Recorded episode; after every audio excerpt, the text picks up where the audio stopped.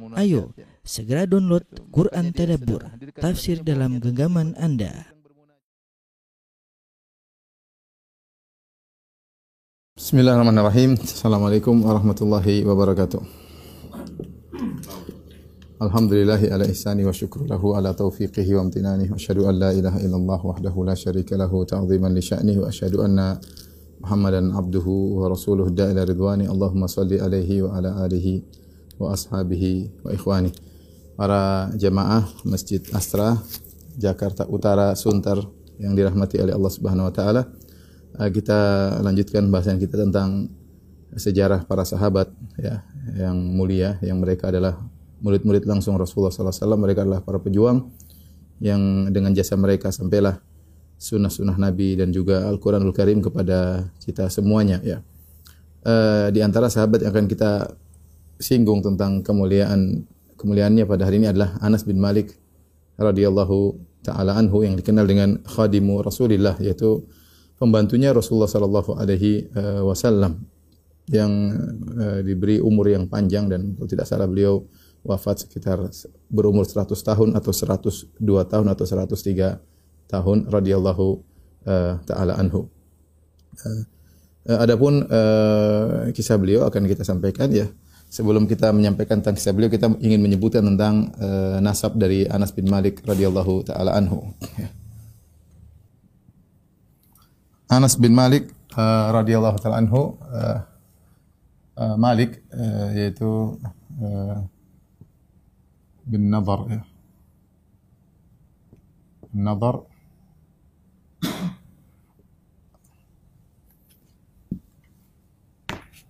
An-Najjari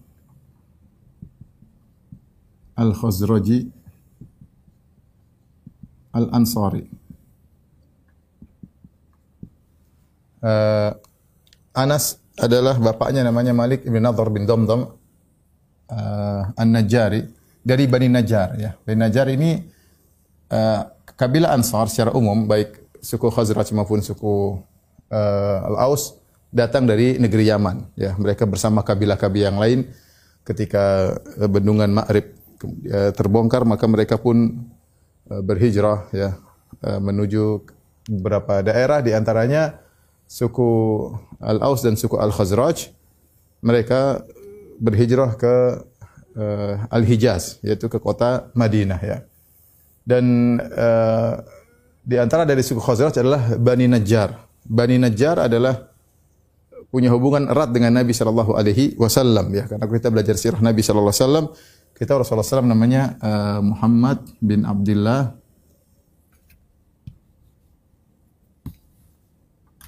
Jadi uh, Muhammad bin Abdullah bin Abdul Abdul Muttalib. Ke bin Hashim ya. Bin Abdi Manaf.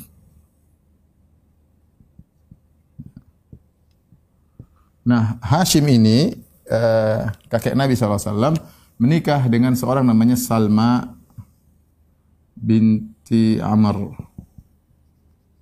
An-Najjariyah. Nah, jadi uh, Rasulullah SAW uh, eh, kalau Bani Najjar disebut dengan akhwal Nabi SAW. Akhwal. Akhwal itu adalah saudara dari ibu, saudara uh, om-om dari ibu. Kalau dari bapak namanya a'mam atau ammi. Itu kalau khali. Karena kakek Nabi Hashim ya bin Abdi Manaf ketika dia pergi berdagang di negeri Syam, dia mampir ke kota Madinah, dia menikah dengan seorang namanya Salma binti uh, Amr ya. Uh, Salma binti binti Amr. Kemudian akhirnya uh, uh, punya anak namanya Syaibah yaitu Abdul Muttalib ya. Oleh karenanya keluarga Bani Najjar dikenal dengan akhwal Nabi sallallahu alaihi wasallam karena datang dari neneknya, dari sisi ibu ya.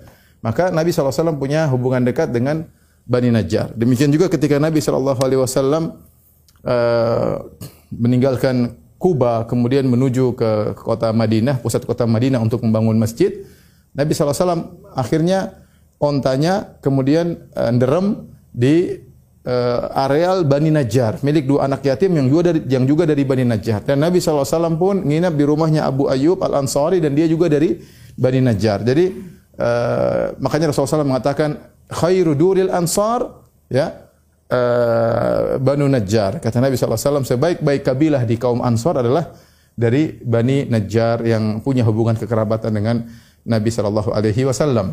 Dan kita tahu ternyata Anas bin Malik dari Bani Najjar dan dari suku Al Khazraj dan Al Ansar.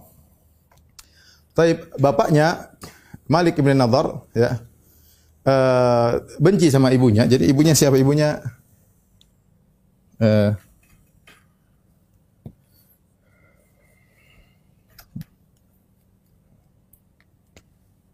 Ummu Sulaim ya. Ummu Sulaim. Uh, menikah dengan muncullah sama Anas bin Malik.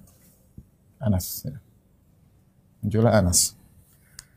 Nah, ibunya Ummu Sulaim bintu uh, Haram bin Milhan uh, radhiyallahu anhuma ya, masuk Islam, masuk Islam rupanya bapaknya Anas tidak suka dengan Ummu Sulaim yang masuk Islam. Bapaknya Anas Malik bin Nadar maka dia pun disebut minggat pergi ke negeri Syam dan meninggal di sana dalam kondisi musyrik. Jadi Malik bin Nadhr meninggal dalam kondisi uh, musyrik bapaknya Anas. Setelah itu Ummu Sulaim menikah dengan Abu Talha Al-Ansari ya. Dengan Abu Talha.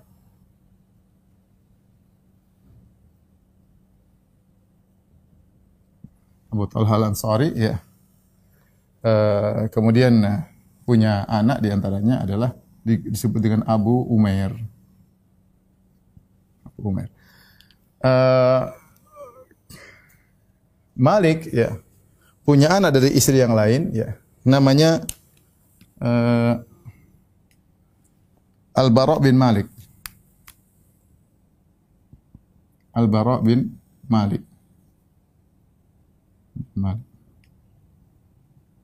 Atau Al Bara dari dia ada yang mengatakan antara Al-Bara dan Anas satu ayah satu ibu sama-sama dari bapaknya Malik bin Nadar kemudian ibunya Ummu Sulaim. Namun sebagian ulama mengatakan tidak. Al-Bara uh, bukan anaknya Ummu Sulaim ya. Ada khilaf di kalangan para ulama. Tapi mereka sepakat bahwasanya Anas dan Al-Bara sama-sama bapaknya adalah Malik. Kemudian Malik punya saudara ya. Uh, namanya Anas bin Nadar. Uh, Anas bin Nadar, omnya Anas. Anas Ibn Nadar ya. Anas Ibn Nadar ya. Ini omnya omnya Anas bin Malik radhiyallahu taala. Inilah beberapa mungkin orang-orang yang ada di sekitar Anas bin Malik yang memiliki uh, yang memiliki pengaruh dalam kehidupan Anas bin Malik radhiyallahu taala anhu. Adapun Malik bin Nadar sudah kita katakan tadi dia meninggal dalam kondisi uh, musyrik. Adapun Anas bin Nadar, omnya Anas bin Malik radhiyallahu anhu adalah seorang uh, pahlawan yang mati syahid dalam perang Uhud ya. Ketika dia tidak serta tidak ikut serta dalam perang Badar, maka dia mengatakan kalau Allah berikan saya kesempatan lagi untuk ikut perang, maka saya akan perlihatkan kepada Allah bagaimana saya berperang. Akhirnya dia diberi kesempatan ikut perang Uhud. Ketika kondisi kaum muslimin sudah kocar-kacir ketika itu ya, karena pasukan mana turun kemudian banyak yang meninggal. Banyak sebagian kaum muslimin, para sahabat, sebagian ada yang kembali ke kota Madinah, ya, kabur meninggalkan peperangan. Ada yang melemparkan pedang mereka, bingung apa yang harus mereka lakukan. Maka datanglah Anas bin Nadar, ya.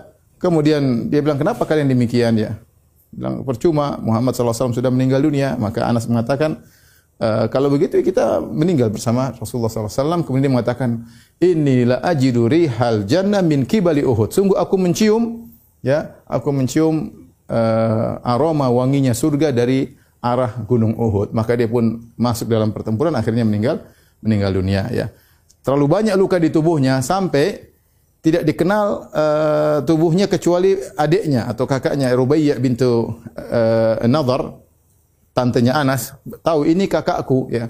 Dia dari mana? Dari jari-jarinya karena sudah tubuhnya tidak dikenal lagi, tubuhnya badan semua tercincang tapi saudari perempuannya tahu dari sisi dilihat dari jari-jarinya. Ini adalah jari-jarinya Anas bin Nadar. Anas bin Nadar ini yang disebut oleh para ulama ketika membahas tentang hadisul wali. Dialah salah seorang dari wali-wali Allah Subhanahu wa taala yang kata Nabi sallallahu alaihi wasallam uh, inna min ibadillah man law aqsama 'ala Allah la abarrahu. Sungguhnya di antara hamba-hamba Allah kalau ada yang bersumpah maka Allah akan mengabulkan permohonannya. Di antaranya adalah Anas bin Nadar. Suatu hari Rubayy binti An-Nadar uh, kasarat thaniyata jariyah. Dia mematahkan gigi uh, seorang wanita yang lain ya.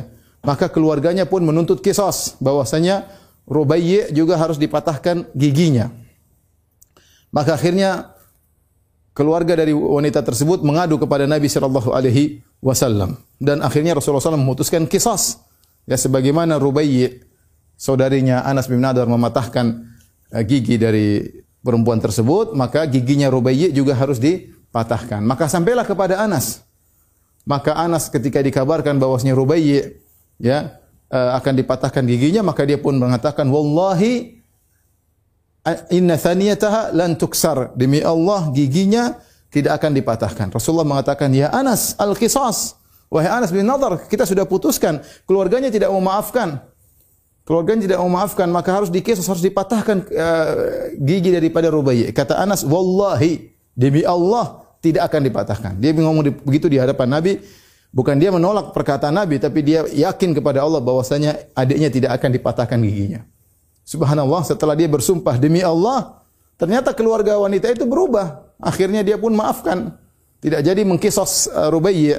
Maka Nabi mengomentari sungguh di antara hamba-hamba Allah ada yang kalau bersumpah Allah akan kabulkan sumpahnya. Di antaranya Anas bin Nadar radhiyallahu anhu, omnya Anas bin Malik radhiyallahu taala anhu ya. Adapun Al-Bara Al-Bara bin Malik pahlawan yang sangat terkenal jagoan saking sangat pemberani sampai-sampai ketika di zaman Umar bin Khattab radhiyallahu anhu sampai-sampai Umar, Umar berkata kepada para pasukan kalau kalian ada Al-Bara bin Malik jangan jadikan dia sebagai pemimpin perang. Kenapa? Dia orang yang nekat. Kalau dia bawa pasukan itu bisa mendatangkan mahlakah, yaitu dia akan bawa pasukan sampai kepada tempat-tempat yang sulit dan khawatir pasukan akan tewas tidak kuat mengikuti cara perangnya. Dialah Al-Bara bin Malik. Dia ini yang nekat ketika dalam uh, perang uh, perang Hadikotul Yamamah ketika melawan uh, Musailimah Al-Kadzab. Ketika melawan Musailimah Al-Kadzab peperangan yang dipimpin oleh Khalid bin Walid melawan Musailimah al-Kadzab dan waktu itu mereka jumlahnya sekitar 40 ribu orang atau 50 ribu orang dan peperangan sangat sulit sehingga banyak dari kaum muslimin yang berguguran dan mereka tidak bisa menembus bentengnya Musailimah al-Kadzab. Siapa yang yang hebat ketika itu bisa menembus benteng Musailimah al-Kadzab dialah Al-Bara bin Malik. Ketika itu orang tidak bisa masuk, tidak bisa menembus sementara anak panah menghujani mereka, maka Al-Bara bin Malik mengatakan kepada teman-temannya, "Tolong angkat saya." Diletakkannya di atas turs, di atas semacam perisai, kemudian perisai tersebut diangkat pakai tombak mereka. Diangkat baru dilemparkan, dilemparkan masuk dalam benteng dan dia sendirian. Dia mau masuk dari dalam, dia ingin buka pintu dari dalam. Nekat luar biasa. Ini siapa namanya? Uh, Al-Bara bin Malik, ya, radhiyallahu anhu, saudaranya Anas, saudara seayah. Maka kaum muslimin pun melempar dia, lempar kemudian dia masuk ke dalam sendirian. Kemudian tiba-tiba pokoknya dia nekat berperang situ akhirnya pintu bisa terbuka. Ketika mereka masuk, mereka sudah lihat banyak orang yang tewas dibunuh oleh dia, tetapi dia badannya penuh dengan luka. Dialah Al-Bara bin Malik radhiyallahu anhu. Sampai begitu Khalid bin Walid uh, menghormati jasa dia, sampai Khalid bin Walid ikut merawat Al-Bara bin Malik menunggunya sampai dia sembuh. Ya. Kenapa? Dia nekat sendirian masuk dalam uh, dalam benteng tersebut dan dia bisa buka pintu benteng dari dalam. Dialah Al-Bara bin Malik uh, radhiyallahu taala anhu ya. Dan dia sempat menolong Anas bin Malik ketika dalam perang Tustar ya. Anas bin Malik ketika itu ada musuh dari Persia menggunakan semacam alat berupa rantai yang dipanaskan yang kemudian ketika itu di rantai tersebut ada semacam besi di ujungnya bisa membawa uh, men menggeret uh, kaum muslimin. Di antaranya Anas bin Malik kegeret. Ketika itu Al-Bara bin Malik sedang bertempur kemudian dikatakan, "Ya Al-Bara, adrik akhak, selamatkan saudaramu." Maka dia pun berhenti perang dia pun kejar uh, besi tersebut dan besi tersebut sangat panas maka dia pegang besi tersebut sambil melepaskan Anas bin bin Malik sampai akhirnya keluar sampai kelihatan tulang di tangannya saking dia pegang besi yang sangat panas sementara dagingnya lepas gara-gara panas dari besi tersebut dan dialah Al-Bara bin Malik radhiyallahu anhu yang sangat hebat dalam peperangan. Baik, uh, adapun Ummu Sulaim, Ummu Sulaim radhiyallahu taala anha yang namanya ada Ar-Rumaisa ada yang mengatakan Gumaisa ya, dua-duanya dalam riwayat. Ar-Rumaisa radhiyallahu taala anha bintu uh, Haram bin Milhan. Uh, dialah yang kemudian apa namanya setelah suaminya uh, meninggal dunia yaitu Malik bin Nadhr maka Abu Talha Ansari kemudian melamar uh, beliau uh, tapi ketika itu Abu Talha masih kafir maka akhirnya Muslim mengatakan kalau ingin menikah denganku kau masuk Islam maharmu untukku adalah masuk Islammu akhirnya Abu Talha pun masuk masuk Islam masuk Islam kemudian hiduplah Ummu Sulaim dengan Abu Talha dengan si kecil Anas bin Malik radhiyallahu taala anhu. Adapun kisah mereka ini butuh pengajian sendiri-sendiri. Ummu Sulaim bagaimana hebatnya ikut serta dalam uh, peperangan merawat orang-orang yang sakit. Abu Talha bagaimana hebatnya dalam peperangan, bagaimana dia yang telah menginfakkan uh, sumur Beiruha dan banyak jasa-jasanya terhadap uh, Islam dan kaum muslimin ya. Tapi kita tidak akan bahas karena itu butuh pengajian yang uh, yang panjang ya. Tapi bagaimana Anas bin Malik radhiyallahu taala anhu Uh, jadi kita tahu Anas bin Malik hidup dalam keluarga yang yang agamis ya, yang hampir-hampir orang-orang di sekelilingnya adalah orang-orang yang uh, yang mulia ya. Baik. Anas bin Malik radhiyallahu taala anhu uh, menceritakan ada dua hari yang sangat berkesan bagi Anas bin Malik. Hari pertama adalah hari yang penuh dengan kebahagiaan, hari kedua hari yang penuh dengan kesedihan. Dua hari tersebut tidak ada bandingannya. Hari pertama adalah hari datangnya Rasulullah sallallahu alaihi wasallam. Ketika Rasulullah SAW datang berhijrah dari kota Mekah menuju kota Madinah, maka orang-orang pun semua keluar menyambut kedatangan Nabi sallallahu alaihi wasallam. Bahkan gadis-gadis pun keluar ingin melihat Nabi sallallahu alaihi wasallam. Siapa mana tuh Nabi?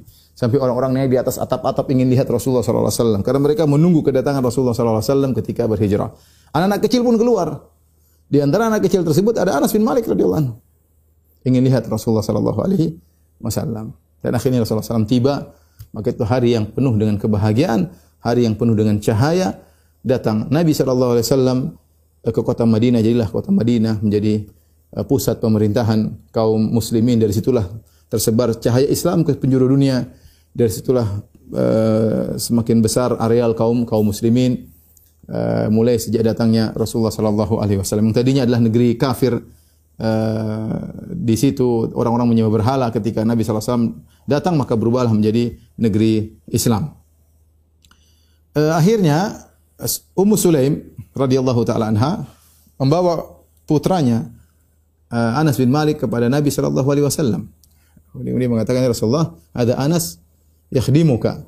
Ya Rasulullah, ini adalah Anas ya uh, disebutkan dalam sebagian riwayat saudari-saudara teman-temanku memberi hadiah kepada engkau ya Rasulullah aku tidak bisa memberi apa-apa tapi ini putraku putraku akan berkhidmat kepada engkau ya menjadi pembantumu ya maka Rasulullah terima ketika itu kata Ummu Sulaim ya Rasulullah doakanlah dia ini seorang ibu yang baik meminta doa kepada Nabi agar mendoakan anaknya maka Rasulullah SAW mendoakan mendoakan Anas bin Malik Rasulullah SAW berkata Allahumma akthir malahu wa waladahu wa barik fi ma a'taitahu.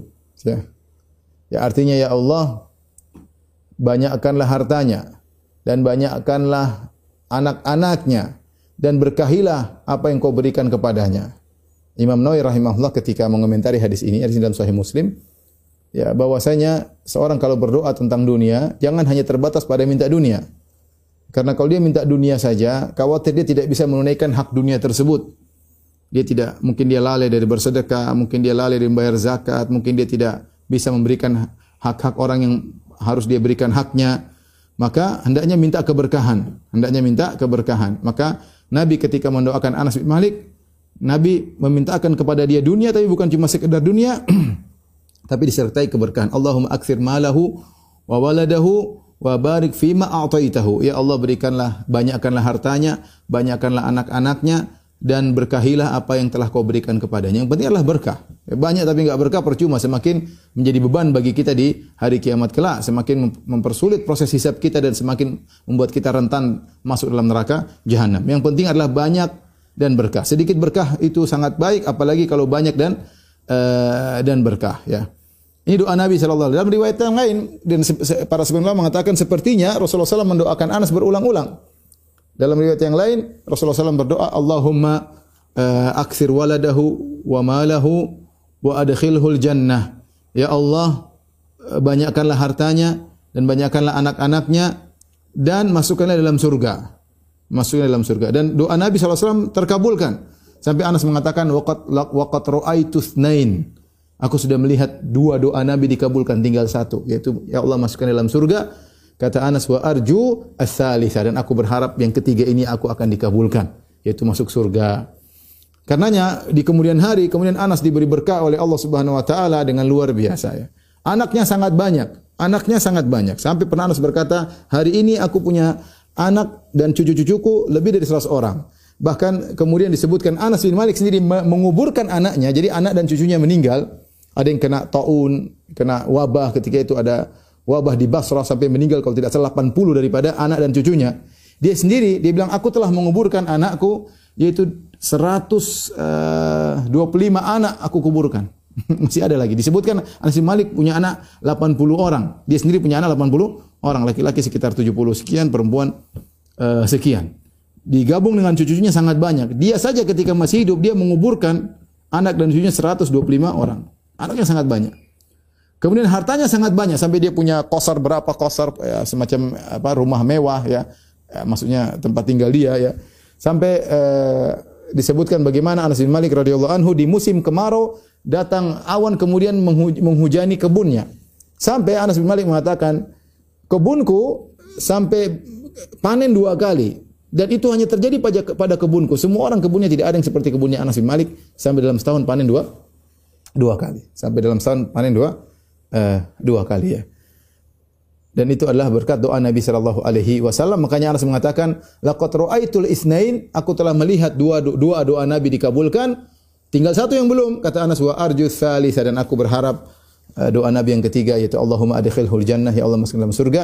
Aku berharap doa Nabi tersebut juga uh, dikabulkan di uh, kemudian hari. Maka mulailah Anas bin Malik kemudian tinggal bersama Nabi sallallahu alaihi wasallam menjadi pembantu Nabi sallallahu alaihi wasallam maksudnya pembantu apa ya memenuhi segala kebutuhan Nabi pembantu Nabi ke mana-mana yang bawakan mungkin tongkatnya Nabi, bawakan kalau Nabi buang hajat dia yang bawakan embernya Nabi. Kalau Nabi datang dia siapkan misalnya tempat duduk Nabi, ya dia dia pokoknya siapin semua namanya pembantu mengikuti Nabi ke mana-mana. Ya, menyiapkan apa yang diperlukan oleh Nabi Shallallahu Alaihi Wasallam. Anas bin Malik ya. Ya dan dia menemani Nabi Shallallahu Wasallam sekitar 10 tahun. Anas bin Malik ketika dijadikan uh, pembantu oleh uh, ibunya kepada Nabi SAW umurnya sekitar 10 tahun. Umurnya sekitar 10 tahun. Jadi Anas bin Malik lahir kira-kira 10 tahun sebelum hijrah. Ya. Ketika ketemu dengan Nabi umurnya sekitar 10 tahun. Makanya ketika perang perang Badar, perang Uhud, dia tidak bisa ikut, ditolak. Dia hanya bisa ikut dalam perang Khandaq. Dia hanya bisa ikut dalam perang Khandaq. Itu berarti um, di perang Khandaq umurnya sekitar 14 atau 15 tahun. 14 atau 15, 15 tahun tahun kelima Hijriah ya. Tahun kelima Hijriah perang Khandaq. Ada yang mengatakan 4 Hijriah. Uh, jadi ketika dia di pembantu Nabi umurnya masih 10 10 tahun. Kemudian uh, dia wafat ketika tahun 92 Hijriah. Jadi umurnya sekitar 102 ya, atau 103 tahun Anas bin Malik radhiyallahu taala ketika wafat. Baik. Maka mulailah Anas bin Malik melayani Nabi sallallahu alaihi wasallam ya. Dan kita tahu namanya pembantu tidak selalu bisa menyenangkan majikan ya, apalagi masih kecil terkadang kurang paham atau terkadang masih ada nakal-nakalnya sedikit ya. Makanya Anas bin Malik cerita ya, uh, uh, apa namanya? Anna Nabi sallallahu alaihi wasallam ahnun ahsanun nasi ma raaitu ahadan ahsanan nasi khuluqan min Nabi sallallahu alaihi wasallam. Aku tidak pernah melihat ada orang yang akhlaknya terbaik seperti Rasulullah. Itu karena ahsanan nasi khuluqan. Rasulullah adalah orang yang paling baik akhlaknya. Anas mengatakan. Wa kana qad arsalani fi hajah. Satu hari Rasulullah SAW mengirimku, menugaskan aku ada satu keperluan. Yaitu Rasulullah berkata, wahai pergilah, wahai Anas. Ketika Rasulullah mengatakan Anas pergilah, dalam Sahih Muslim, maka Anas berkata, "Wallahi la adhab, demi Allah aku tidak akan pergi." Maksudnya Anas uh, masih kecil, masih umur 10 tahun. Nabi mengatakan, "Nas, misalnya kalau bahasa kita, Anas tolong pergi ke sana." Kata Anas, "Wallahi la adhab." tidak demi Allah saya tidak akan pergi. Wa fi nafsi sa'adhab. Kata Anas, tapi dalam hatiku saya akan pergi. Ya cuma namanya dia anak-anak, ya mungkin dia bercanda sama Nabi SAW. Bahkan dia bukan tidak mengatakan saya tidak mau pergi. Nabi. Bahkan dia mengatakan demi Allah saya tidak akan pergi. Akhirnya dia pergi. Dia pergi, kemudian dia berjalan sampailah di, di pasar melihat anak-anak main-main. Akhirnya Anas bin Malik lupa dia main-main sama anak-anak tersebut. Rasulullah mungkin nunggu Anas nggak datang-datang ini ke mana sih anaknya. Akhirnya Rasulullah SAW pun cari Anas bin Malik radhiyallahu anhu ternyata lagi main-main sama anak-anak. Ya, kemudian Rasulullah SAW pun akhadha qafaya, Rasulullah SAW pun memegang leher Anas. kemudian Anas pun balik ya. Fa nadartu fa idza Nabi sallallahu alaihi wasallam. Saya pun balik ternyata Nabi wasallam tertawa. Rasulullah tidak marah, Rasulullah tidak jewer. Dan, dan ini menakjubkan. Rasulullah SAW mengatakan, Ya Unais. Ya Unais itu maksudnya panggilan uh, sayang. Harusnya Anas dipanggil Unais. Ya Unais. Adhabta min haithu amartuka. Apakah kau sudah pergi sebagaimana aku perintahkan? Ya tentunya tidaklah. Tapi Rasulullah tanya. Dia mengatakan, Adhab ya Rasulullah. Sekarang aku akan pergi. Maksudnya Rasulullah SAW tidak marah. Bayangkan Nabi bukan orang bukan orang eh, apa namanya pengangguran. Nabi orang sibuk ya. Ada keperluan nunggu Anas nggak datang-datang ya. Datang akhirnya Nabi sendiri yang cari. Nabi tidak suruh orang cari. Eh coba lihat Anas di mana. Nabi sendiri cari. Karena Nabi mungkin ada punya tujuan untuk mendidik Anas bin Malik, si kecil Anas bin Malik yang ke, depan akan menjadi orang hebat, pahlawan Islam, pembawa uh, ajaran-ajaran Islam. Maka Nabi pergi sendiri mencari Anas bin Malik. Ya, kalau mungkin kita dalam kedudukan posisi Nabi yang suruh orang suruh nyariin. Kita kan kepala negara ya. Tidak, Nabi cari sendiri sampai ke mana ke sini ke sini sampai ke pasar ketemu Anas bin Malik lagi main-main. Dia pegang lehernya tidak marah sama sekali. Kalau kita mungkin nah ke sini ha, Anas Rasulullah tidak ya. Makanya apa namanya Anas Malik membuka di sini dengan mengatakan karena Nabi wasallam ahsanan nasi khuluqan. Rasulullah SAW orang yang paling uh, baik akhlaknya. Ini tidak marah sama sekali. Kemudian uh, Anas pun pergi menjalankan uh, perintah Nabi. Kemudian Anas di akhir hadis mengatakan, "Laqad khadimtu Rasulullah sallallahu alaihi wasallam tis'a sinin aw asyara sinin." Sungguh aku telah menjadi pembantu Nabi sallallahu alaihi wasallam 9 tahun atau 10 tahun bersama Nabi sallallahu alaihi wasallam. Ma li syai'an fa'altuhu halla taraktahu aw syai'in lam af'aluhu halla fa'altahu. Dan Nabi selama 9 tahun 10 tahun tidak pernah mengomentari aku ada suatu aku yang salah kerjakan Nabi tidak pernah berkata kenapa kau kerjakan demikian kenapa tidak kau tinggalkan perbuatan itu dan sebaliknya kalau aku tidak melakukan sesuatu yang salah aku harusnya kerja aku tidak kerja Nabi juga tidak pernah berkata hal fa'alta kenapa kau tidak kerjakan Rasulullah tidak pernah jadi kalau Rasulullah cara tegur tidak tidak dengan mencela kenapa kau nggak begini kenapa kau nggak begini Ya, makanya saya ketika membahas hadis saya bilang ini di antara contoh bahwasanya akhlak Nabi SAW adalah mukjizat. Akhlak Nabi adalah mukjizat. Bagaimana muamalah dia terhadap pembantu bisa seperti ini luar biasa. Kalau ada orang mungkin ramah sama pembantunya, mungkin seminggu dua minggu, tapi sembilan tahun tidak pernah marah, itu mustahil. Mustahil. Ya. Bagaimana Nabi SAW bisa bertahan sama Anas yang tadi disuruh pergi ke sana? Wallahi demi Allah saya tidak mau pergi, tapi Nabi tidak marah. Ya salah salah salah melakukan pekerjaan terjadi namanya pembantu tidak ada yang sempurna salah melakukan pekerjaan harusnya dikerjakan tidak dikerjakan harusnya ditinggalkan malah dikerjakan. Dan Nabi semuanya tidak pernah berkata kenapa kau tidak begini? Kenapa kau begini? Enggak. Bahkan dalam sebagian riwayat uh, Anas mengatakan ma li uf uffan. Yaitu Nabi tidak pernah berkata kepadaku ah tidak pernah tidak pernah marah sama Anas bin Malik radhiyallahu taala anhu. Ini yang menjadikan Anas bin Malik sangat sayang dan sangat cinta kepada Rasulullah sallallahu alaihi wasallam. Sangat cinta kepada Nabi sallallahu alaihi wasallam. Sampai-sampai dalam riwayat Anas mengatakan setelah Rasulullah SAW meninggal, kata Anas bin Malik, "Ra'aitu habibi, aku melihat kekasihku Rasulullah SAW setiap malam Rasulullah mendatangi Anas bin Malik setiap malam dalam mimpinya dan Rasulullah telah berkata, "Man ra'ani fil manami faqad ra'ai faqad ra'ani, fa inna syaitana la yatamatsalu bi." Siapa yang lihat aku dalam mimpi, sungguh dia telah melihatku karena syaitan tidak bisa meniruku. Seakan-akan Rasulullah SAW menghargai Anas bin Malik, ya. Sampai-sampai setiap malam Anas bin Malik melihat Rasulullah sallallahu alaihi wasallam tentu dengan kehendak Allah Subhanahu wa taala setiap hari dia bertemu dengan Nabi Shallallahu Alaihi Wasallam dalam mimpinya, menunjukkan betapa cintanya kepada Nabi Shallallahu betapa kerinduannya kepada Nabi Shallallahu Alaihi Wasallam. Ya, dan kalau Anas bilang saya ketemu Nabi, Anas tahu betul siapa Nabi Shallallahu Alaihi Wasallam, bukan sekedar ngaku-ngaku ketemu Nabi. Ya, ini Anas bin Malik benar ketemu Nabi SAW dalam dalam mimpinya. Dan benar-benar Nabi SAW perhatian sama Anas. Oleh karena kalau kita baca hadis-hadis bagaimana Rasulullah SAW perhatian sama Ummu Sulaim. Sampai Rasulullah SAW datang ke rumah Anas bin Malik. Ya. Bagaimana uh, seorang apa namanya uh, majikan main ke rumah pembantu, main ke rumah pembantu, kemudian Rasulullah SAW pergi ke rumah Anas bin Malik, kemudian juga uh, mereka minta ya Rasulullah salat di rumah kita. Maka Rasulullah SAW disiapkan semacam sajadah, kemudian Rasulullah SAW salat di rumahnya Anas bin Malik. Ada Anas di belakang, kemudian ada nenek-nenek uh, di belakang ya. sholat. Rasulullah perhatian sampai Rasulullah SAW datang ke rumah Anas. Di antaranya Rasulullah SAW ketemu dengan Abu Umair. Abu Umair tadi anaknya Abu Talha dengan Ummu Sulaim, adik tirinya Anas bin Malik. Ketika itu Abu, Abu Umair lagi main-main dengan burung namanya Nugair. Dan burungnya mati. Burungnya mati, maka dia sedih. Rasulullah lihat dia sedih, Rasulullah SAW ajak ngobrol. Kata Rasulullah SAW, Ya Aba Umair, ma fa'alan Nugair. Wahai Abu Umair, ada apa gerangan dengan burung musi Nugair? Ya Rasulullah SAW sempatkan untuk menghibur itu anak yang masih kecil. Padahal kata para ulama belum tentu, belum tentu dia paham apa yang diomongkan oleh Nabi Wasallam. Tapi Nabi berusaha uh, menurunkan levelnya untuk berbicara dengan anak-anak. Ya. ya.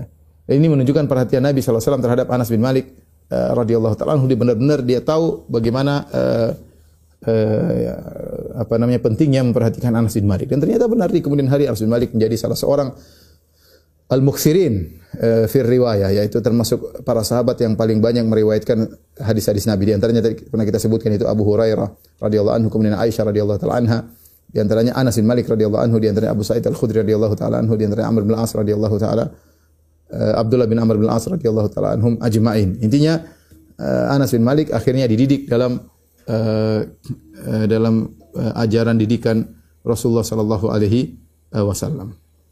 Dan sejak awal Anas bin Malik uh, meskipun tidak ikut dalam pertempuran tetapi dia ikut serta dalam perang uh, perang Badar, perang Uhud sebagai pembantu Nabi sallallahu alaihi wasallam. Ketika ada yang bertanya kepada Anas, "Anas, kau apakah Anda mengikuti perang Badar?" Kata, "Bagaimana aku bisa tidak ikut dalam perang Badar?" Ya, artinya dia ikut berkhidmat kepada Nabi dalam perang Badar, tapi benar-benar ikut perang sejak perang Khandaq. Sejak perang Khandaq, ikut perang dalam perang Khandaq, kemudian perang-perang selanjutnya sampai perang Mu'tah Anas bin Malik juga ikut perang, perang Hunain Anas juga ikut ikut Anas bin Malik juga ikut perang, sampai Rasulullah SAW meninggal dia pun ikut peperangan-peperangan yang banyak ya. Anas bin Malik radhiyallahu uh, taala uh, anhu. Uh, Ikhwan dan akhwat yang dirahmati Allah Subhanahu wa taala ya. Tadi kita sebutkan bahwasanya hari yang paling eh, eh, yang paling bahagia bagi Anas ya ketika bertemu dengan Nabi sallallahu alaihi wasallam masuklah Nabi sallallahu alaihi wasallam dalam kota Madinah maka Madinah berubah menjadi cahaya terang benderang yang luar biasa. Tadinya berisi eh, dengan kekufuran, kemudian datangnya Nabi sallallahu alaihi wasallam maka iman di mana-mana datanglah orang-orang hebat ketika itu ada muncullah orang-orang hebat dengan didikan Nabi sallallahu alaihi wasallam. Lihatlah bagaimana Anas bin Malik radhiyallahu anhu. Lihatlah bagaimana ada namanya uh, Sa'ad bin Muadz yang ketika meninggal arsy Ar-Rahman arsy Allah bergetar karena Muadz Sa'ad bin Muadz radhiyallahu taala anhu. Lihatlah bagaimana uh, Hanzalah bin Abi Amir ketika meninggal kemudian malaikat membandingkan jasadnya Bagaimana ada seorang sahabat baca Al-Quran sampai-sampai malaikat mau datang mendekati sahabat tersebut. Bagaimana uh, Ubay bin Ka'ab ketika Allah menyuruh kepada Nabi untuk ya menyampaikan salam kepada Ubay bin Ka'ab radhiyallahu taala anhu dan keluar keluar generasi-generasi hebat yang luar biasa di kota Madinah sejak datangnya Rasulullah sallallahu alaihi wasallam. Oleh karenanya datangnya Nabi sallallahu alaihi wasallam merupakan hari yang terindah bagi uh, bagi Anas bin Malik radhiyallahu taala anhu. Dan Anas bin Malik ketika menjadi pembantu Nabi sallallahu alaihi wasallam ya. Uh, Anas bin Malik adalah pembantu yang amanah, pembantu yang amanah. Dia tentunya jadi pembantu dia akan melihat banyak hal dari Nabi sallallahu alaihi wasallam. Ya. Dan kalau ada rahasia dia tidak akan ceritakan kepada siapa pun. Ada Rasulullah sampaikan rahasia dia tidak akan ceritakan kepada siapa pun. Oleh karena dalam padahal dia masih kecil. Dia kan jadi pembantu sejak umur 10 sampai sekitar umur 21 ya uh, sampai umur 20-an kira-kira. Ya, umur 20-an. Jadi 10 tahun sekitar 10 tahun menjadi pembantu Nabi sallallahu alaihi uh, wasallam ya. Uh, dalam satu hadis uh, Anas berkata, "Asarra ila ilayya Rasulullah sallallahu sirran." Rasulullah SAW menyampaikan rahasia kepadaku. Fama akhbartu bihi ahadan. Aku tidak pernah menyampaikan kepada siapa pun. Walaqad sa'alatni anhu Ummu Sulaim. Ibuku Ummu Sulaim pernah bertanya kepadaku tentang rahasia tersebut. Fama akhbartuha bihi. Aku tidak kabarkan kepada dia sedikit pun tentang rahasia uh, tersebut. Mungkin Ummu Sulaim menyangka itu bukan satu rahasia. Ketika uh, Anas menyatakan rahasia, maka Ummu Sulaim tidak bertanya lagi. Ya. Uh, Anas pernah berkata, diriwayatkan dari muridnya Sabit Al-Bunani ya. Sabit Al-Bunani ya dia berkata, "Ata Qala Anas Anas berkata, "Ata alayya Rasulullah wa ana al-ab ma'al ghilman." Uh, Rasulullah sallam uh, datang kepadaku ya dan aku sedang bermain-main dengan anak-anak. Anak masih kecil main-main, pembantu tapi suka main-main. Fasallama alaina. Ya. Maka Rasulullah beri salam kepadaku. Faba'athani ila hajatin. Kemudian Rasulullah SAW mengutusku ada satu keperluan.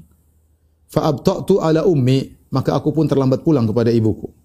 Falamma ji'tu qalat. Tatkala aku datang ibuku bertanya, "Ma ma habasaka? Apa yang membuat kau terlambat datang?" Qultu ba'athani Rasulullah SAW li hajatin. Rasulullah tadi mengutus aku ada keperluan, sesuatu keperluan. Qalat, ibunya bertanya, "Ma hajatu? Ma hajatuhu? Apa keperluan Nabi sallallahu alaihi wasallam?" Qultu inna hasir, ini rahasia. Qalat, "La tuhaddithanna bi sirri Rasulullah sallallahu ahadan, la tuhaddithanna bi sirri Rasulullah sallallahu ahadan." Kata ibunya, "Wahai putraku Anas, jangan kau ceritakan rahasia Nabi kepada siapa pun." Qala Anas, "Wallahi, law haddathtu bihi ahadan, la ya Thabit. Kata Anas, demi Allah kalau saya ingin menyampaikan rahasia Nabi, saya akan sampaikan kepada engkau hai muridku Thabit Al-Bunani. Ya. Uh, dan uh, oleh karenanya Anas karena sering bersama dengan Nabi SAW ada ada hal-hal uh, yang tidak diriwayatkan sama yang lainnya ya. Tapi Anas meriwayatkan.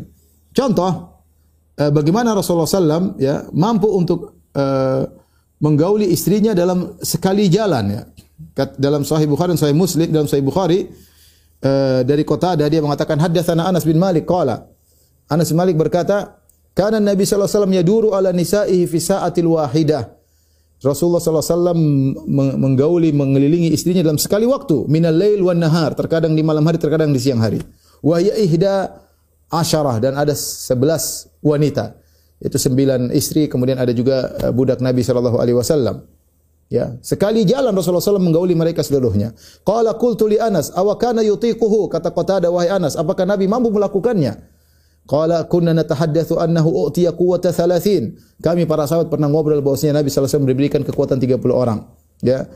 Dalam riwayat Anas mengatakan 9 wanita ya. Dan ini menunjukkan hadis ini oleh Anas bin Malik yang menunjukkan uh, bagaimana kekuatan Nabi sallallahu alaihi wasallam di antara hikmah kenapa Nabi sallallahu alaihi wasallam boleh menikah dengan banyak wanita karena Nabi spesial tidak seperti uh, kita dan kebanyakan manusia ya.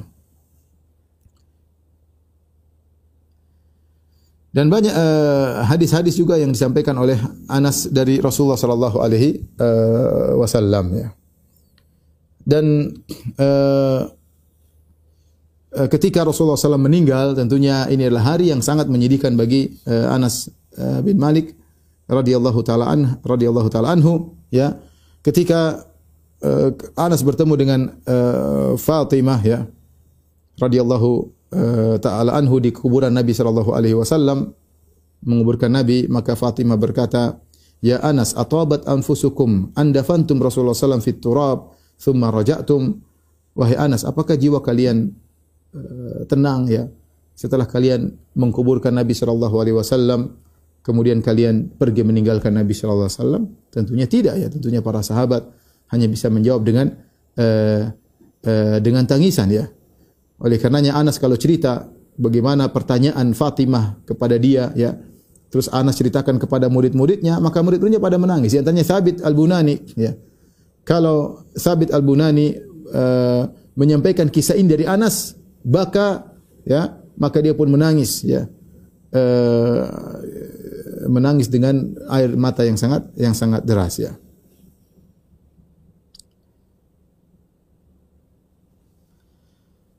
Taib uh, ikhwan akhwat yang dirahmati Allah Subhanahu wa taala.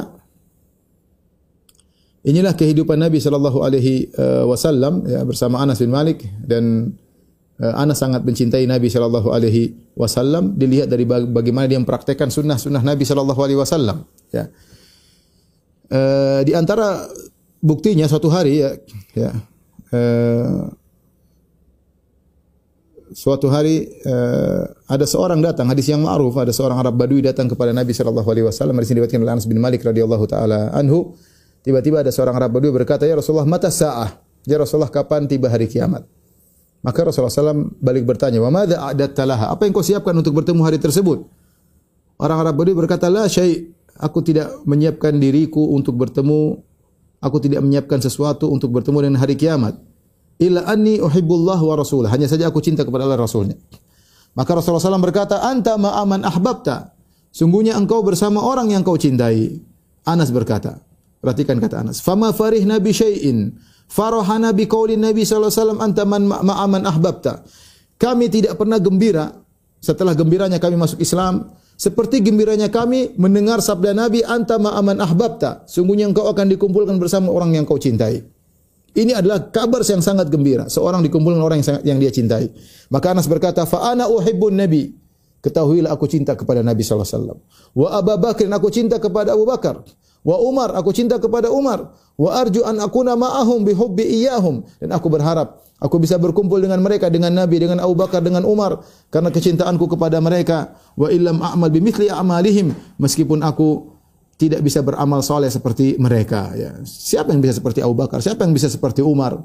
Ya, Anas ngaku dia tidak bisa seperti mereka. Tapi Anas berharap dengan cintanya Anas kepada mereka bersama cinta kepada Nabi, kepada Abu Bakar, kepada Umar, maka dia akan dikumpulkan oleh Allah karena kecintaan dia kepada uh, mereka orang-orang hebat tersebut. Ya. Dan Anas berusaha ya menjalankan uh, apa yang dipraktikkan oleh Nabi Shallallahu Alaihi Wasallam. Perhatikan uh, kata Sayyar eh, dia berkata kuntu amshi ma'a Sabit al-Bunani. Suatu hari aku berjalan bersama Sabit al-Bunani. Sabit al-Bunani itu muridnya Anas. Muridnya Anas banyak ya, sampai disebutkan ada 200 orang meriwayatkan dari Anas ya. Kuntu amshi ma'a Sabit al-Bunani.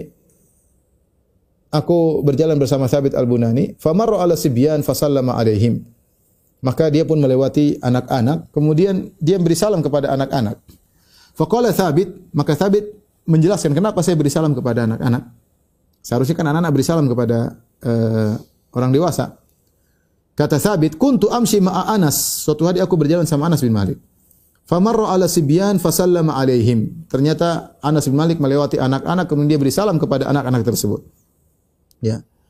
Wa qala Anas. Kemudian Anas cerita, kenapa saya beri salam kepada anak-anak? Kuntu ma'a Rasulillah sallallahu alaihi wasallam. Aku suatu hari berjalan bersama Rasulullah sallam, famarra ala sibyan, kemudian Nabi melewati anak-anak, fasallama alaihim. Maka Nabi pun memberi salam kepada kepada mereka ya.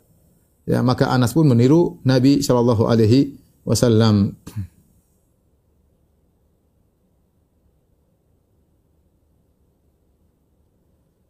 Disebutkan juga ya bagaimana ibadahnya Anas ya. Uh, dari Hammam bin Yahya dia berkata haddatsani man sahiba Anas bin Malik. Aku telah diceritakan oleh seorang yang pernah menjadi menemani Anas bin Malik, yaitu muridnya Anas bin Malik. Lama ahrama Anasun lam aqdir an ukallimahu hatta halla min shiddati ibqa'i ala ihramihi. Ketika aku berihram atau berhaji bersama Anas, kalau Anas sudah ihram, aku tidak bisa ngomong sama dia. Saking dia benar-benar perhatian terhadap ihramnya. Dan ini memang kita tidak seperti Anas bin Malik. Ya, kita kalau ihram kadang-kadang merasa seperti hal biasa. Padahal kalau orang sudah ihram, sudah bilang baik Allahumma umrah atau baik Allahumma hajjan, dia sudah masuk dalam nusuk. Dia sudah dalam kondisi beribadah. Tapi kebanyakan atau saya tidak bilang kebanyakan, tapi banyak di antara kita ya ketika sudah ihram santai-santai saja ngobrol sana ketawa ketis ke sini, ketawa ketiwi, kadang bercanda-bercanda eh, jauh daripada zikir kepada Allah Subhanahu wa taala.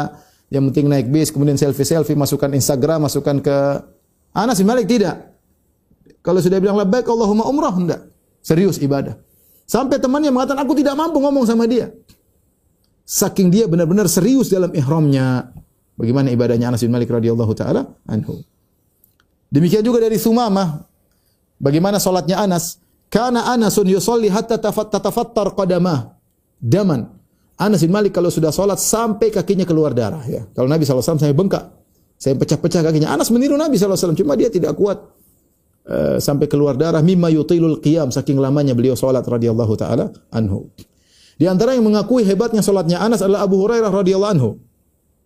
Abu Hurairah melihat bagaimana Anas berpegang teguh dengan sunnah Nabi SAW. Abu Hurairah berkata, Ma ru'aitu ahadan asbaha salatan bi Rasulillah SAW min ibni Ummi Sulaim. Aku tidak pernah melihat seorang pun solatnya mirip seperti solatnya Nabi, seperti Anas bin Malik radhiyallahu taala anhu. Siapa yang bilang demikian? Abu Hurairah sahabat mengakui bagaimana solatnya Anas uh, bin Malik radhiyallahu uh, taala anhu ya. Bahkan disebutkan Anas bin Malik kalau menyebutkan hadis-hadis kepada murid-muridnya, dia ngomong tiga kali, diulang tiga kali. Karena idza takallam takallama thalathan. Ya. Anas kalau ngomong dia ulang tiga kali. Ketika ditanya kenapa, dia mengatakan demikian juga Nabi sallallahu alaihi wasallam. Nabi sallallahu alaihi wasallam kalau berbicara terkadang diulang tiga uh, tiga kali, ya. Ketika uh, suatu hari ya kata Zuhri dakhaltu ala Anas bin Malik di Dimashq wa huwa yabki. Aku menemui Anas di Damaskus dan dia dalam kondisi uh, dalam kondisi menangis. Fa qultu ma yubkik? Apa yang buat kau uh, menangis wahai Anas? Qala la a'rifu mimma kana ali Rasulullah sallallahu alaihi wasallam ashabu illa hadhihi salat wa qad sana'tum fiha ma sana'tum. Kata Anas, aku tidak mengetahui peninggalan Nabi wasallam yang ditinggalkan oleh Nabi dan para sahabatnya kecuali salat ini. Ya, itu pun sudah kalian rubah-rubah. Maksudnya ketika itu uh, wahai salat qad dan salat ini pun telah kalian lalaikan. Yaitu dilakukan oleh khulafa Bani Umayyah yang mereka menunda-nunda salat. Itu membuat Anas bin Malik menangis ketika melihat salat ditunda-tunda. Kemudian datanglah Umar bin Abdul Aziz kemudian uh, tidak ditunda. Tapi intinya Anas menangis karena melihat salat yang ditunda-tunda. Uh, Bahkan disebut dalam satu riwayat Anas bin Malik dia menangis mengingat pernah salat subuh terlambat.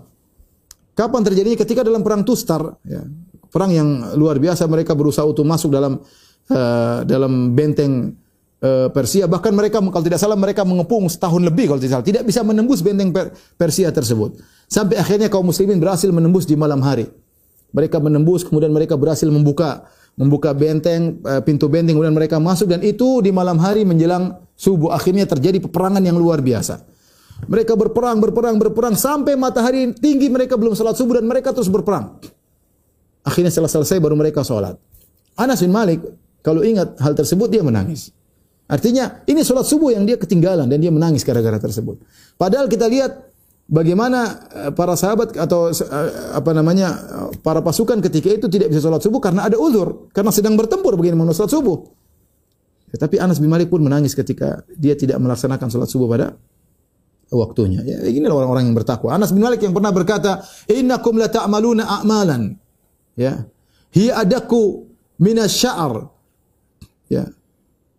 Wa kunna narahu ala ahdi Rasulullah sallallahu minal mubiqat. Sungguh kalian melakukan amalan-amalan yang menurut kalian tuh lebih tipis daripada rambut. Yang kalian remehkan. Kami dulu di zaman sahabat menganggap itu dosa dosa yang membinasakan. Nah, kita sekarang banyak dosa yang kita biasakan. Para sahabat kalau mandang berbeda mereka pernah berguru sama orang yang pernah melihat langsung neraka jahanam. Ya, Rasulullah sallallahu alaihi wasallam. Jadi kalau Rasulullah berbicara tentang neraka, ka'annana ra'yul ain, ka'anna ra'yul ain, seakan kami melihat. Karena Nabi bercerita sesuatu yang Nabi pernah lihat. Sehingga masuk ke dalam hati para sahabat, sehingga mereka punya rasa takut luar biasa kepada Allah Subhanahu wa taala. Sampai ini Anas berbicara kepada para tabi'in, kalian melakukan amalan perbuatan dosa yang menurut kalian lebih ringan, lebih tipis daripada rambut. Kami dulu zaman sahabat kami menganggap itu lebih parah daripada itu adalah dosa-dosa yang uh, membinasakan. Disebutkan juga ya uh, Anas bin Malik radhiyallahu taala anhu ya uh, terkadang sengaja memakan makanan yang pernah dimakan oleh Nabi sallallahu alaihi wasallam. Ya. Kemudian juga Rasulullah SAW, Anas pernah melihat Rasulullah makan suatu, suatu makan Rasulullah suka, maka Anas pun menyukai makanan tersebut. Gara-gara tahu Nabi makan dari makanan tersebut. Yang saking cintanya kepada Rasulullah Sallallahu Alaihi eh, Wasallam. Ya. Taib ikhwan dan akhwat yang rahmatillah subhanahu wa ta'ala. Anas bin Malik setelah Rasulullah SAW meninggal dunia, beliau dipercaya oleh Abu Bakar radhiyallahu anhu dan juga dipercaya oleh Umar bin Khattab disuruh menjadi penarik apa namanya penarik zakat di Bahrain ya. Artinya mereka percaya kepada Anas bin Malik eh, baik Abu Bakar maupun Umar ya. Kemudian di akhir hayat Anas bin Malik, Anas bin Malik kemudian tentunya terlalu banyak jihad yang diikuti oleh Anas bin Malik radhiyallahu anhu dengan saudaranya Al Bara bin Malik sampai akhirnya eh, Anas bin Malik tinggal di eh, Basrah ya. Di situlah kemudian dia menyampaikan Eh, hadis-hadis Nabi SAW selain di Madinah dia juga menyampaikan hadis Nabi di Basrah. Orang-orang banyak meriwayatkan uh, dari Anas bin Malik radhiyallahu anhu radhiyallahu taala anhu. Dan dia termasuk al-muksirin termasuk orang yang uh, banyak meriwayatkan hadis-hadis Nabi sallallahu alaihi wasallam. Di akhir hayatnya terjadi fitnah ya antara dia dengan Al-Hajjaj bin Yusuf Al-Thaqafi Al-Hajjaj bin Yusuf Al-Thaqafi adalah uh, gubernur yang ditugaskan oleh Abdul Malik bin Marwan untuk uh, bertugas di uh, Kufa atau di Irak ya. Di situlah tinggalnya uh, Anas bin Malik radhiyallahu uh, taala anhu ya. dan uh, Hajjaj bin Yusuf Al-Thaqafi tidak suka dengan Anas bin Malik, tidak suka dengan Anas bin Malik. Bahkan dia ingin menghina Anas bin Malik radhiyallahu taala uh, anhu ya. Uh, disebutkan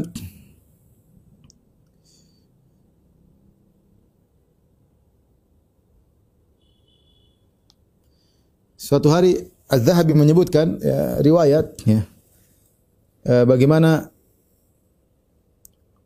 Hajjaj bin Yusuf Al-Thaqafi memanggil uh, Anas bin Malik dengan perkataan yang sangat kasar. Hajjaj bin Yusuf Al-Thaqafi yang telah membunuh Abdullah bin Zubair uh, radhiyallahu anhu yang juga membunuh Sa'id bin Jubair muridnya Ibnu Abbas radhiyallahu taala anhu ketika di zaman itu ada fitnah uh, Ibnu al-Ash'ath. Fitnah ketika itu sebagian uh, orang-orang yang ahlul qurra yaitu ahli baca Quran tidak setuju dengan keputusan Abdul Malik bin Marwan sehingga mereka seakan-akan memberontak uh, terjadi uh, kisruh terjadi akhirnya Hajjaj bin Yusuf atau Kofi membunuh mereka seluruhnya. Mereka membunuh fitnah di zaman itu zaman fitnah. Dan dia menuduh bahwasanya Anas bin Malik ikut serta. Dia menuduh Anas bin Malik ikut serta. Maka dia panggil Anas bin Malik. Padahal dalam riwayat banyak Anas bin Malik kita dapati bagaimana murid-muridnya uh, ingin memberontak Anas bin Malik suruh sabar. Dan Anas bin Malik menyebutkan hadis-hadis dari Nabi sallallahu alaihi wasallam tidak boleh memberontak terhadap Hajjaj bin Yusuf Ats-Tsaqafi. Tapi intinya Hajjaj bin Yusuf Ats-Tsaqafi uh, jengkel sama Anas bin Malik. Uh, dia menuduh bahwasanya Anas bin Malik punya andil dalam terjadinya fitnah pemberontakan tersebut. Maka dia bilang kepada Anas bin Malik, "Ya khabith." Ini perkataan yang sangat kasar dia mengatakan, "Ya khabith." Ya, kita tahu ada thayyib, ada khabith. Wahai orang yang buruk bahasa kita kira-kira. Wahai orang yang brengsek, orang yang buruk jawalun fil fitan. Wahai orang yang suka ikut serta dalam berbagai macam fitnah. Marratan ma'a Ali. Di zaman Ali sedang perang sama Muawiyah, kau bela Ali. Karena Hajjaj bin Yusuf membela Bani Umayyah. Ya. Dan Uthman dibela oleh Bani Umayyah. Jadi mengatakan, kau di zaman fitnah antara Ali dengan Muawiyah, kau ikut bela Ali. Wa marratan ma'a Ibn Zubair. Di zaman fitnahnya Ibnu Zubair, Abdullah bin Zubair, kau bela Ibnu Zubair. Sekarang di sini di Irak kau bela Ibnu Al-Ash'ath. Ya. Amma walladhi nafsi biyadihi la asta'silannaka kama tusta'salu samghah ya. Wala ujarridannaka kama yujarradu dhab. Maka dia bilang wahai Anas ya. Lihat demi Allah yang jiwaku berada di tangan Hajjaj bin Yusuf Al-Thaqafi sangat kejam ya. ya. Dia bilang aku akan menghancurkanmu, mencabutmu sebagaimana pohon dicabut dari akarnya. Dan aku akan me mengulitimu sebagaimana sebagaimana dhab dikuliti ya. Anas bin Malik sabar ya. Ketika dibilang dia pembantu Nabi sallallahu alaihi wasallam ya. Bukan sembarang orang ya. Yang telah berkhidmat kepada Nabi 9 tahun, 10 tahun digitukan oleh seorang brengsek seperti ini Hajjaj bin Yusuf At-Taqafi. Kalau dia marah wajar. Tapi dia sabar. Dia berkata, "Man ya'nil amir?" Siapa yang dimaksud oleh uh, gubernur oleh Amir. Maksud antum siapa gitu kata Anas. Iya ka'ani asammallahu sam'ak. Maksud saya kamu wahai Anas. Semoga Allah memtulikan telingamu subhanallah. Fastarja Anas Anas mengatakan inna lillahi wa inna ilaihi raji'un. Anas sudah tua ketika itu. 90-an mungkin menghadapi fitnah seperti ini, kemudian anak muda seperti ini ngomong sama dia. Ya. Kemudian berani-berani ngomong kepada Anas bin Malik, ya. Kemudian Hajjaj bin Yusuf sedang sibuk, Anas pun pergi meninggalkan Hajjaj bin Yusuf. Kemudian Anas berkata, "Laula anni dzakartu waladi khashitu alaihim ba'di la kallamtuhu bi kalamin la yastahyini ba'dahu abadan." Ya. Kata dia, seandainya saya tidak pikir anak-anakku dan cucu-cucuku aku akan ngomong sama dia tadi. Tapi ya sudahlah. Akhirnya Anas bin Malik menulis surat kepada Abdul Malik bin Marwan tentang perlakuan siapa? Perlakuan uh, uh, siapa namanya Hajjaj bin Yusuf As-Saqafi ya. Maka dia pun kirim surat. Uh, bahkan disebutkan Hajjaj bin Yusuf As-Saqafi saking jengkel sama Anas dia bikin dia bikin semacam uh, cap, cap mungkin dengan besi yang panas atau apa di, ada yang disebut dalam riwayat disebut capnya di di tangannya Anas ada yang mengatakan di lehernya Anas. Ditulis Atikul Hajjaj yaitu orang yang dimerdekakan oleh Hajjaj. Untuk menghina Anas bin Malik radhiyallahu taala anhu. Orang yang dimuliakan oleh Nabi sampai Nabi datang ke rumahnya sampai Nabi sholat di rumahnya ya kemudian dihinakan oleh Hajjaj bin Yusuf uh, uh, Thaqafi ya Uh, akhirnya dia pun kirim surat kepada uh, Abdul Malik uh, bin Marwan mengabarkan apa yang dilakukan oleh Hajjaj bin Yusuf ke kepada dia. Maka akhirnya Hajjaj bin Yusuf Al-Thaqafi kemudian kirim surat kepada Hajjaj dengan perkataan yang sangat keras. Ya, intinya dihina oleh Abdul Malik bin Marwan. Dia mengatakan kau lebih hina daripada sendalnya Anas bin Malik. Ya, kau tidak tahu dia adalah pembantu Nabi Shallallahu Alaihi Wasallam. Dihabisi oleh Abdul Malik bin Marwan radhiyallahu taala uh, tentang untuk membela Anas bin Malik radhiyallahu taala anhu ya. Apalagi Hajjaj bin Yusuf Ats-Tsaqafi menghina Anas bin Malik radhiyallahu taala anhu. Intinya akhirnya Hajjaj bin Yusuf Ats-Tsaqafi kemudian minta keridhaan Anas bin Malik. Dia pun datang minta maaf. Dia bilang maksud saya begini maksud saya begini maksud saya begini. Intinya uh, Anas bin Malik selamat daripada Hajjaj bin Yusuf Ats-Tsaqafi Akhirnya uh, berjalan dengan waktu, kemudian Anas bin Malik pun meninggal, wafat ya. Uh, disebutkan ketika beliau wafat ada beberapa riwayat di antaranya dia membawa tongkat. Usayyah itu tongkat kecil yang Nabi pernah berikan kepada dia. Dulu milik Nabi, Nabi kasih sama dia. Dia bilang kalau saya meninggal kuburkanlah tongkat ini bersamaku ya. Ya, maka dimasukkan dalam kain kafannya kemudian uh, dikuburkan. Disebutkan juga dia dia apa namanya punya rambut yang Nabi berikan kepada dia ya dia bilang letakkanlah di bawah uh, lidahku atau dalam mulutku sebelum ketika dia dikubur. Kemudian di antaranya juga keringat Nabi sallallahu alaihi wasallam. Ummu Sulaim dahulu kalau Nabi datang, dia ambil keringat Nabi sallallahu alaihi wasallam. Dia ambil keringat Nabi dan para sahabat mencari berkah dari Nabi. Dan Nabi kalau buang ludah para sahabat ambil ya. Tidak ludah tersebut tidak ada yang jatuh di tanah diambil oleh para sahabat. Jadi ini khusus Nabi sallallahu alaihi wasallam. Maka Ummu Sulaim ambil keringat. Nabi mengatakan buat apa? Ini buat uh, untuk keberkahan bagi anak-anakku. Maka Nabi biarkan Kata Nabi Asabti, kau sudah benar. Diambillah keringat oleh Ummu Sulaim, dikumpulkan satu tempat. Dan Anas pernah berkata, Ma syamamtu ya syai'an wala miskan ya wala syai'an ya atyaba min rihi Rasulullah sallallahu alaihi wasallam. Aku tidak pernah mencium sesuatu pun yang lebih harum dari aromanya Nabi sallallahu alaihi wasallam. Tidak juga misik, tidak lebih, lebih harum aroma Nabi sallallahu alaihi wasallam. Wala ma masastu syai'an ya hariran au dibajan ya alian min yadi Rasulullah sallallahu alaihi wasallam. Aku tidak pernah menyentuh sesuatu baik kain sutra ya atau apa pun yang lebih lembut daripada tangan Nabi sallallahu alaihi wasallam. Dan Anas bin Malik akhirnya uh, ketika akan meninggal maka dia bertahlil la ilaha illallah ilaha illallah sampai dia meninggal dengan mengucapkan la ilaha illallah. Dan dia mengatakan aku tidak melihat ada seorang pun tersisa min ahlil kiblatain yang pernah solat dua kiblat Baitul Maqdis dan juga uh, Ka'bah kecuali saya sendiri. Oleh karenanya sebagian ada yang berpendapat Anas bin Malik adalah sahabat terakhir yang meninggal. Namun yang benar bukan Anas bin Malik, uh, namanya Abu Tufail, Amir bin Wasilah dia yang terakhir meninggal dari para sahabat pada tahun 100 Hijriah kalau tidak salah Anas meninggal pada tahun 92 Hijriah. Tapi dia termasuk sahabat yang paling terakhir meninggal dan dia adalah sahabat yang terakhir meninggal di di Basrah ya. Uh, rahimahullah wa radhiyallahu taala anhu Eh, demikianlah kisah Anas bin Malik radhiyallahu anhu eh, pembantu Nabi sallallahu alaihi wasallam ya yang eh, jasanya sangat besar bagaimana kita tidak menyayangi Anas bin Malik sementara dia yang pernah membantu Nabi kita dalam banyak kegiatannya. Dalam sebagian riwayat Anas berkata, saya ingin ketemu dengan Nabi di di di yaumul akhir dan saya akan berkata kepada Nabi, saya Anas ya Rasulullah, khuwaidimuk pembantumu ketika di dunia.